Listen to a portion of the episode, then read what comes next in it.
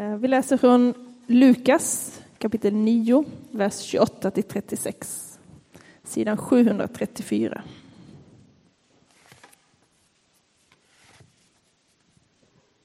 Ungefär en vecka senare tog han med sig Petrus och Johannes och Jakob och gick upp på berget för att be. Medan han bad förvandlades hans ansikte och hans kläder blev vita och lysande.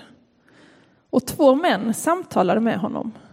Det var Mose och Elia som visade sig i härlighet och de talade om hans uttåg ur världen som han skulle fullborda i Jerusalem.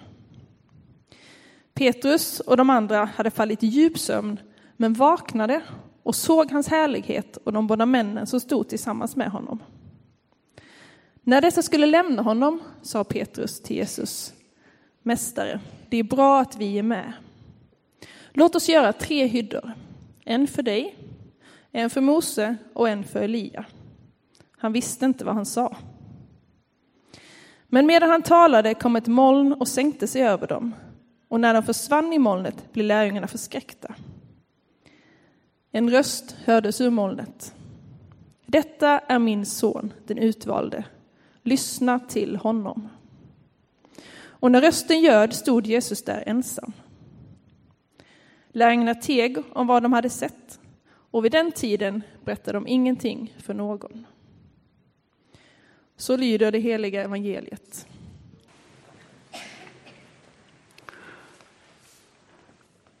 Vi tackar dig Gud att du är här den här söndagen. Som du är här varje dag. Du som följer oss genom livets alla skiften.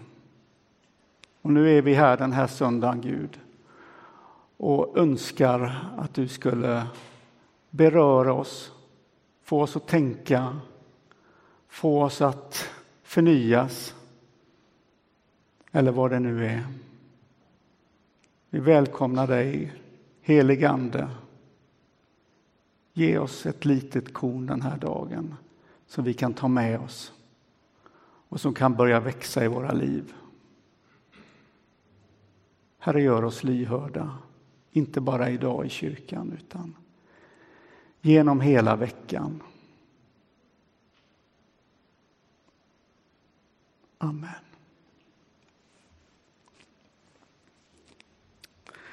Det finns ju många goda människor i historien. Människor som eh, blir en förebild, kanske för sin egen tid eller till och med längre.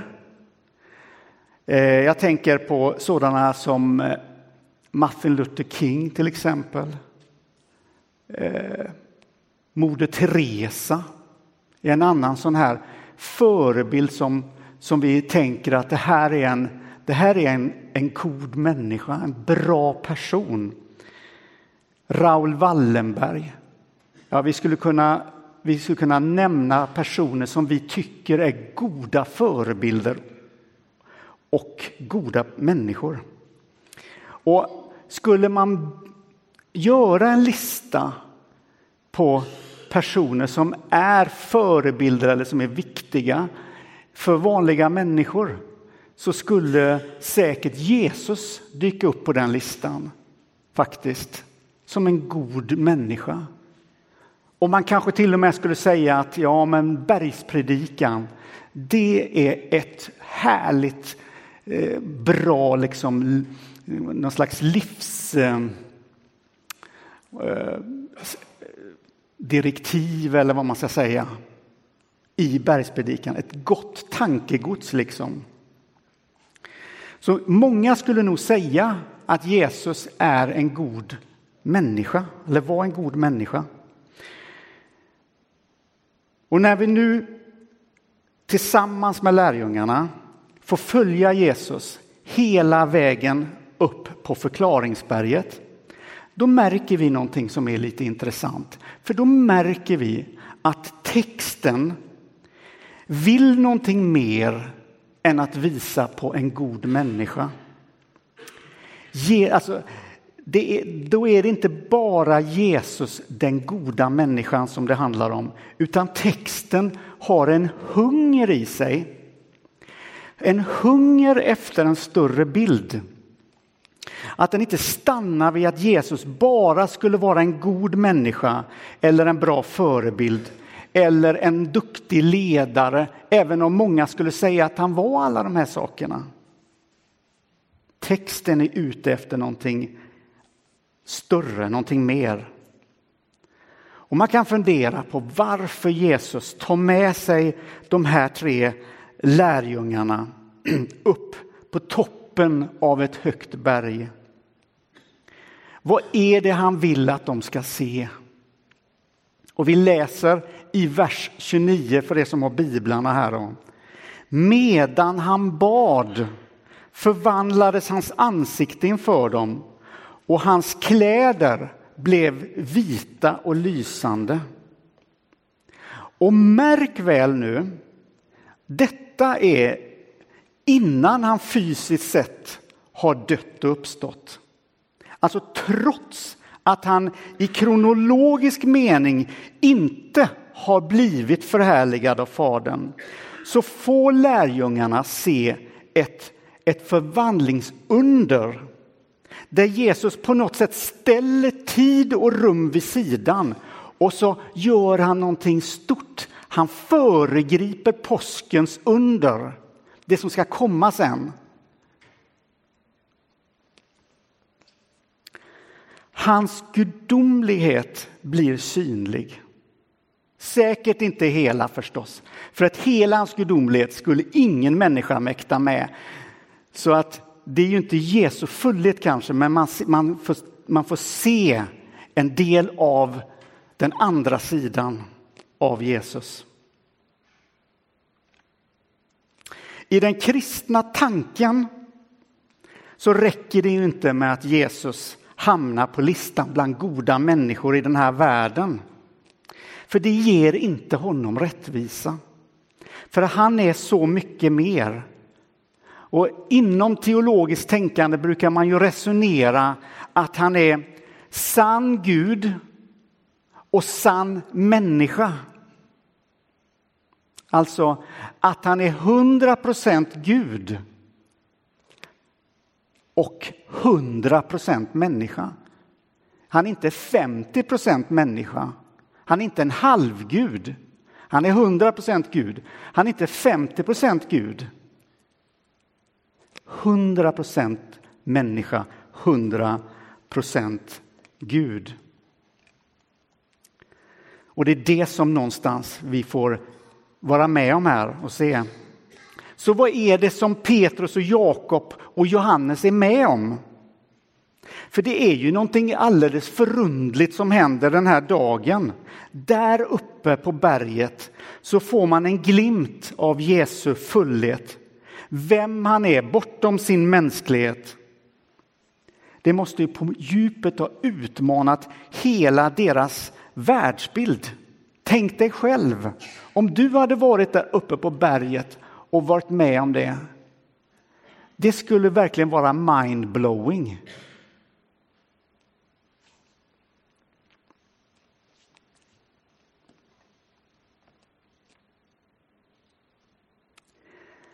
Hur tänkte de sen lärjungarna kring gränser och begränsningar? Det här har ju liksom öppnade ju upp ett lock till, något, till, till en annan dimension.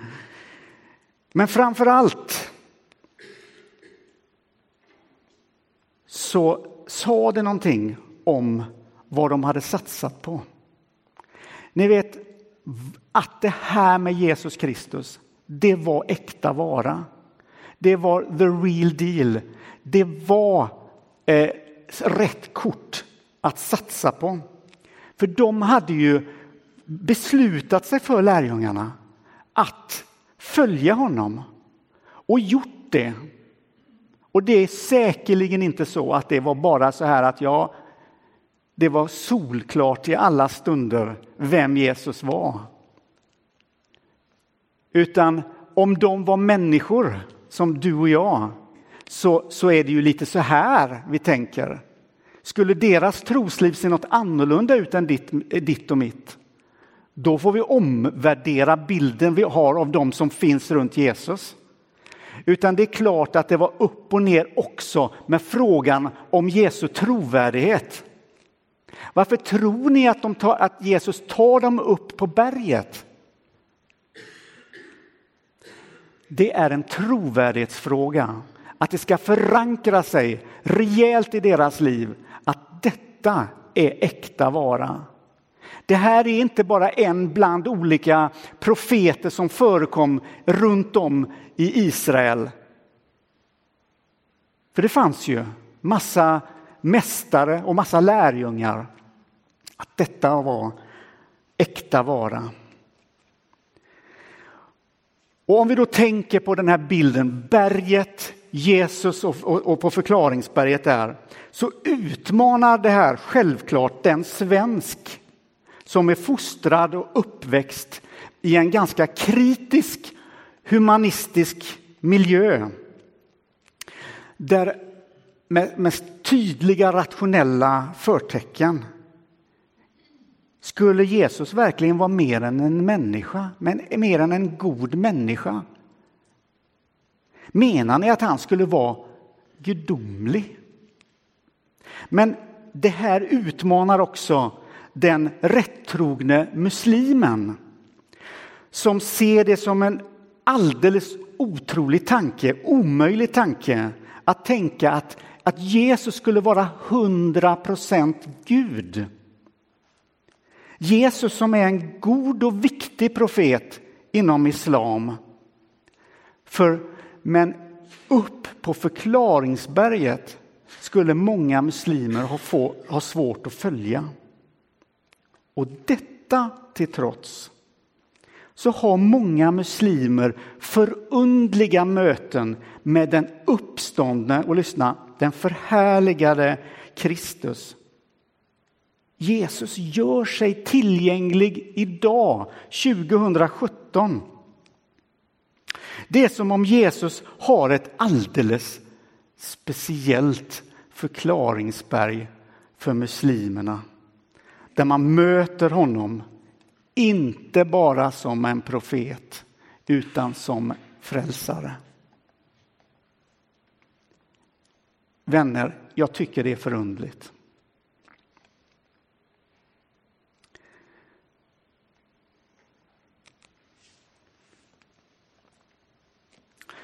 I texten som vi läser så ligger det två frågor som är nödvändiga att besvara. Inte bara för lärjungarna som var på plats den här dagen, utan för dig och mig som moderna människor.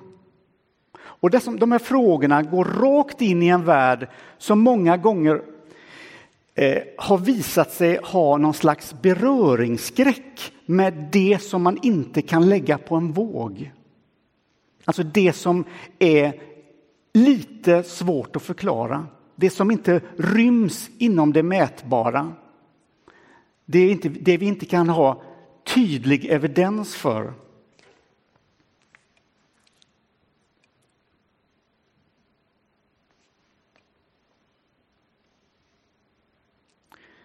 Om ni undrar vad jag sysslar med så letar jag var jag är någonstans. Jag kom lite i gasen här. Här kommer den första frågeställningen som är viktig att ställa sig. Är Jesus trovärdig? Kan Jesus verkligen vara den han säger sig vara? Alltså mer än en vanlig människa. Självklart var det inte svart och vitt för, för lärjungarna. Det är klart att man efterhand längs vägen måste ha jobbat med den här trovärdighetsfrågan. Och man kan ju tycka att det kunde ha räckt för Petrus, Jakob och Johannes att ha fått se hans skinande kläder. Du vet, när han är där uppe och förvandlas i sin bön, att det skulle kunna varit, ja, det, ja men det här är, det är bra, tack, tack, det räcker, jag har sett färdigt. Och hur han liksom för, för, förvandlades. Men samtidigt så får de ju se hur han börjar samtala med giganterna från Gamla testamentet. Ja, men nu går vi upp ännu ett snäpp här. De andliga giganterna Mose och Elia. Att Gamla testamentet och Nya testamentet knyts samman här på berget inför deras ögon. Men för deras svaghets skull, eller för deras mänsklighets skull, för att det inte skulle råda något som helst tvivel. Då räcker det inte bara att han förvandlas och att gamla och nya testamentet knyts ihop. Nu kommer en röst ur ett moln. Det är liksom den sista det trovärdighetsevidenset som de här tre lärjungarna behöver höra för det som de ska gå in i i sina liv längre fram. Gud själv går in och identifierar sitt släktskap med Jesus. I vers 35 för dig som följer med här då i Bibeln. En röst hördes ur molnet. Detta är min son, den utvalde. Detta är min son, den utvalde. Mer indicier än så kan ju lärjungarna knappast få. På något sätt måste ju Jesus ha haft en tanke med att ta med sig de här lärjungarna upp på berget. Att det var på något sätt en del av deras förberedelse inför det de skulle göra. Deras liv tillsammans med Kristus, deras tjänst inför Kristus. Att det här var en viktig pusselbit i det skeendet. Vad skulle du svara på frågan om Jesus är trovärdig? Ja, kanske du säger, det är väl inte så svårt att tro för lärjungarna som, som var där. Det var ju liksom, allting hände ju där på berget. Men jag har inte sett något sånt. Jag har inte sett så många förklaringsberg i mitt liv. Jag kan liksom inte riktigt koppla till den eh, bilden. Nej, vi går olika vägar. För någon kan det vara så att du går en väg som är bara din egen väg. Din väg kanske är en dal. Din väg kanske är en dal där du måste gå lidandets väg och, och möta den lidande Kristus i, under den vägen för att möta den förhärligade Kristus. Det kanske är så att ditt berg som du går upp på för att någonstans hitta orientering är ett bibliotek. Det kanske är böckerna som får dig att komma till i ett läge då, då du säger och du, du kommer fram till att detta är trovärdigt.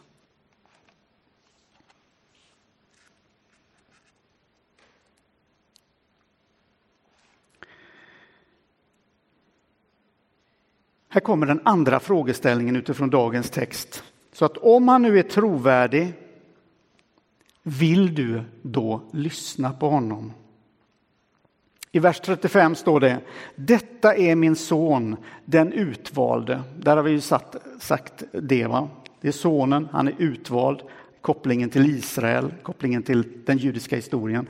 Och så kommer nästa, lyssna på honom. Någonting av det viktigaste man har att göra som lärjunge, det är att ställa in sitt liv till att lyssna till Jesus. Och man kan inte lyssna på någon om man är för långt borta. För då hör man inte riktigt vad som sägs. Man behöver hålla sig nära den man vill lyssna på. Detta är min son, den utvalde lyssna till honom.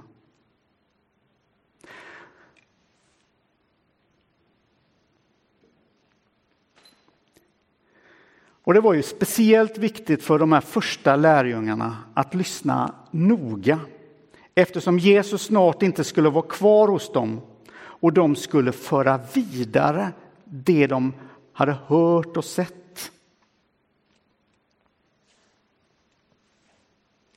Allt han hade sagt om vägen till Gud, det han hade sagt om hans roll i frälsningen, det han hade sagt om Guds rike och det där tilltagande riket.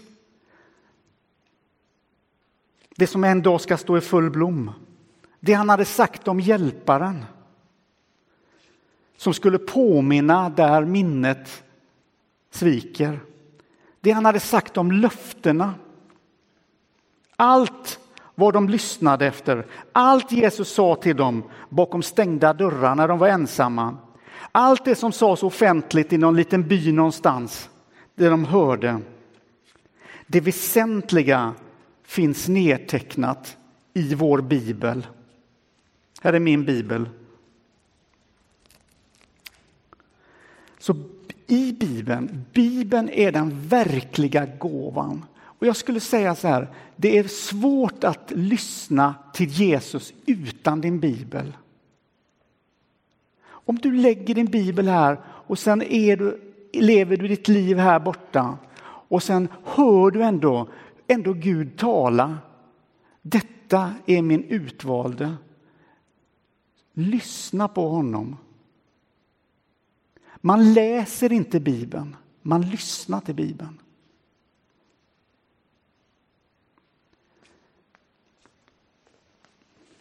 Så vill du lära känna Gud och komma fram till om han är trovärdig eller inte så är det den här boken som, som vi måste fördjupa oss i, stanna i, leva i. Och du kanske har läst den här många gånger. Den kanske ligger hemma nu och har legat länge orörd hemma hos dig. Jag vet inte. Men utan denna så kommer ditt liv inte kunna få några starka eh, eh kommer, kommer Gud förlora sin, sin eh, trovärdighetsfaktor eh, i ditt liv. Det sjunker. Han blir mer människa, Jesus, och mindre Gud.